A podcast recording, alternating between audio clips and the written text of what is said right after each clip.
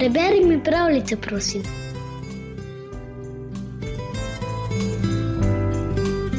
Kako postaneš kraljevi zet?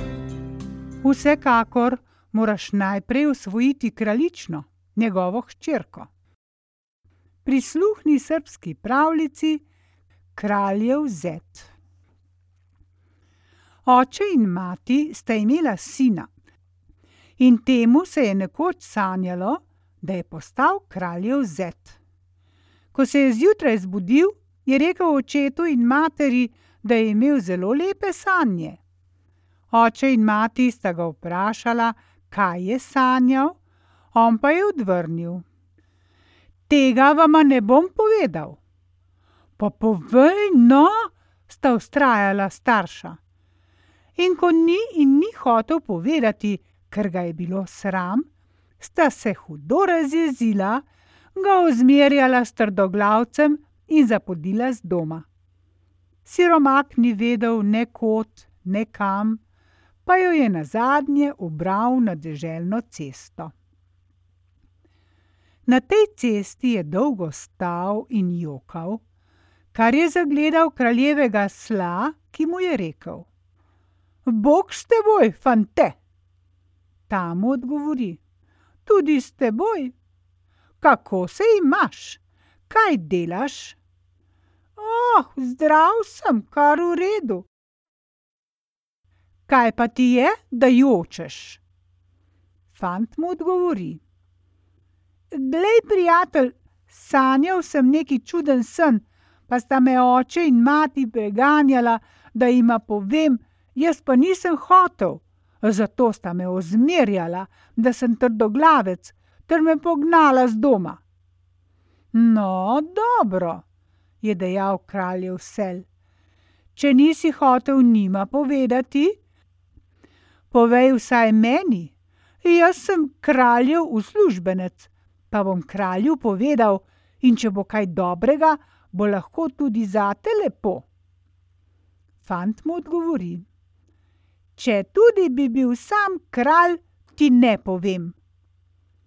Kraljev sel odide, toda ko pride h kralju, mu pove vse, kako je našel na poti nekega dečka in o čem se je z njim pogovarjal. Tedaj pošlje kralj drugega služabnika.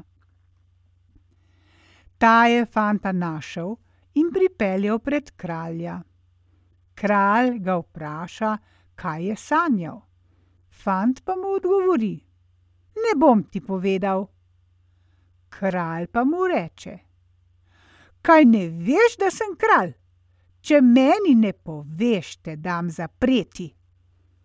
Fant pa mu odvrne: Za voljo mene si lahko kralj, ali povedal ti ne bom. Tedaj ga kralj zapre v neko sobo. Siromak ves potrt razmišlja, kaj bo zdaj z njim. Ko pa se zmrači, ostrmi. Nekje žvenketajo vilice in žlice. Osamljeni fant pregleda, kje je zid bolj tenak, da bi ga predrl in videl, kaj je v sosednji sobi in kaj se v njej sliši. Ko ga predre, zagleda tam spečo kraljično, nad glavo ji gori pisana sveča, pri nogah bela, okrog nje pa spijo služkinje in na mizi je vsega na pretek. Fant se tedaj oprezno splazi skozi zid in se prikrade k mizi, in kar najde na njej, vse poje in popije. Pisano svečo nad glavo zamenja in jo postavi k nogam, belo pri nogah pa postavi nad glavo in se vrne potem v svojo sobo, odprtino pa tako zadela, da se prav nič ni poznalo, da je zid pokvarjen. Ko se zjutraj kraljična prebudi, vidi, da sta sveči premenjeni in miza prazna. Zato začne vpiti na služabnice, da so one to storile. Služabnice so se rotile, da tega niso storile, a kraljična jim ni hotela verjeti. To se je dogajalo vsako noč. Služabnice so prisegale, da niso bile one, kraljična pa jim ni verjela. Zato pošlje očetu sporočilo, da prihaja nekdo po noči v dvorano po kolače na mizi in vse ostanke poje in popije. In naj služabnicam prepove, da ne smejo več sveč menjati. Kralj ustreže njeni želji, ali pri vsem tem je kraljična še vedno imela na sumu služabnice. Da bi torej tudi v snu videla in zgrabila tistega, ki vse na mizi poje in popije, in potem menja sveči, si namaže oči z neko travo, ki tudi v snu daje vid. Po večerji leže spat. Ko pa minejo dve ali tri ure noči, fant spet predre zid in stopi v sobo. Spet poje in popije vse, kar je bilo na mizi, vzame pisano svečo nad glavo in jo postavi k nogam, belo pri nogah pa nad glavo, in se pripravi, da odide. V tistem trenutku pa ga prime kraljična za roko. Ali ko vidi, kako zau fant je, ga vpraša, kdo je in kaj je, in odkot je prišel sem in zakaj. In mu reče potem, naj se spet vrne v svojo sobo. Ko se zjutraj zdani, sporoči kraljična očetu, naj ji pošlje še enkrat toliko hrane in pijače, dokazujoč mu, kako so služabnice lačne. Kralj je to storil in tako se je od takrat fant hranil in se redil ob tej lepi deklici, dokler ni bil izdan kraljev ukaz, da je njegova hčerka polnoletna in se bo omožila. Ko kraljična to zve, napiše očetu pismo ter mu pove, da se bo omožila samo s tistim junakom, ki bo vrgel kopje prek trdnjave njihovega mesta.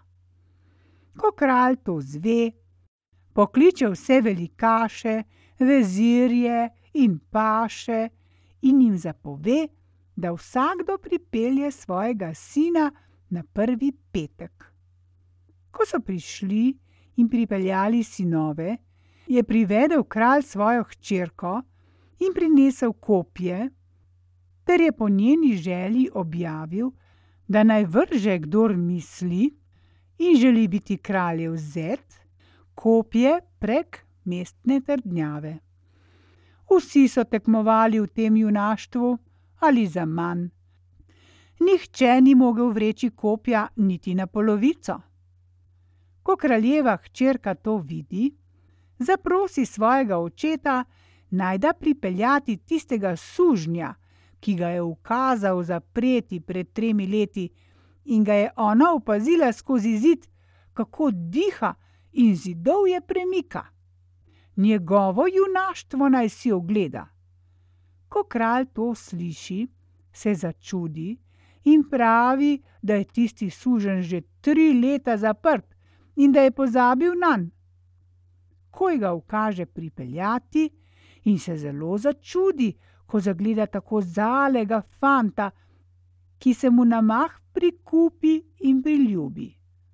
Da mu kopje v roke in veli, naj preizkusi, ali ga bo mogel vreči prek trdnjave. Vsa velika gospoda je bruhnila v smeh s porogljivimi besedami.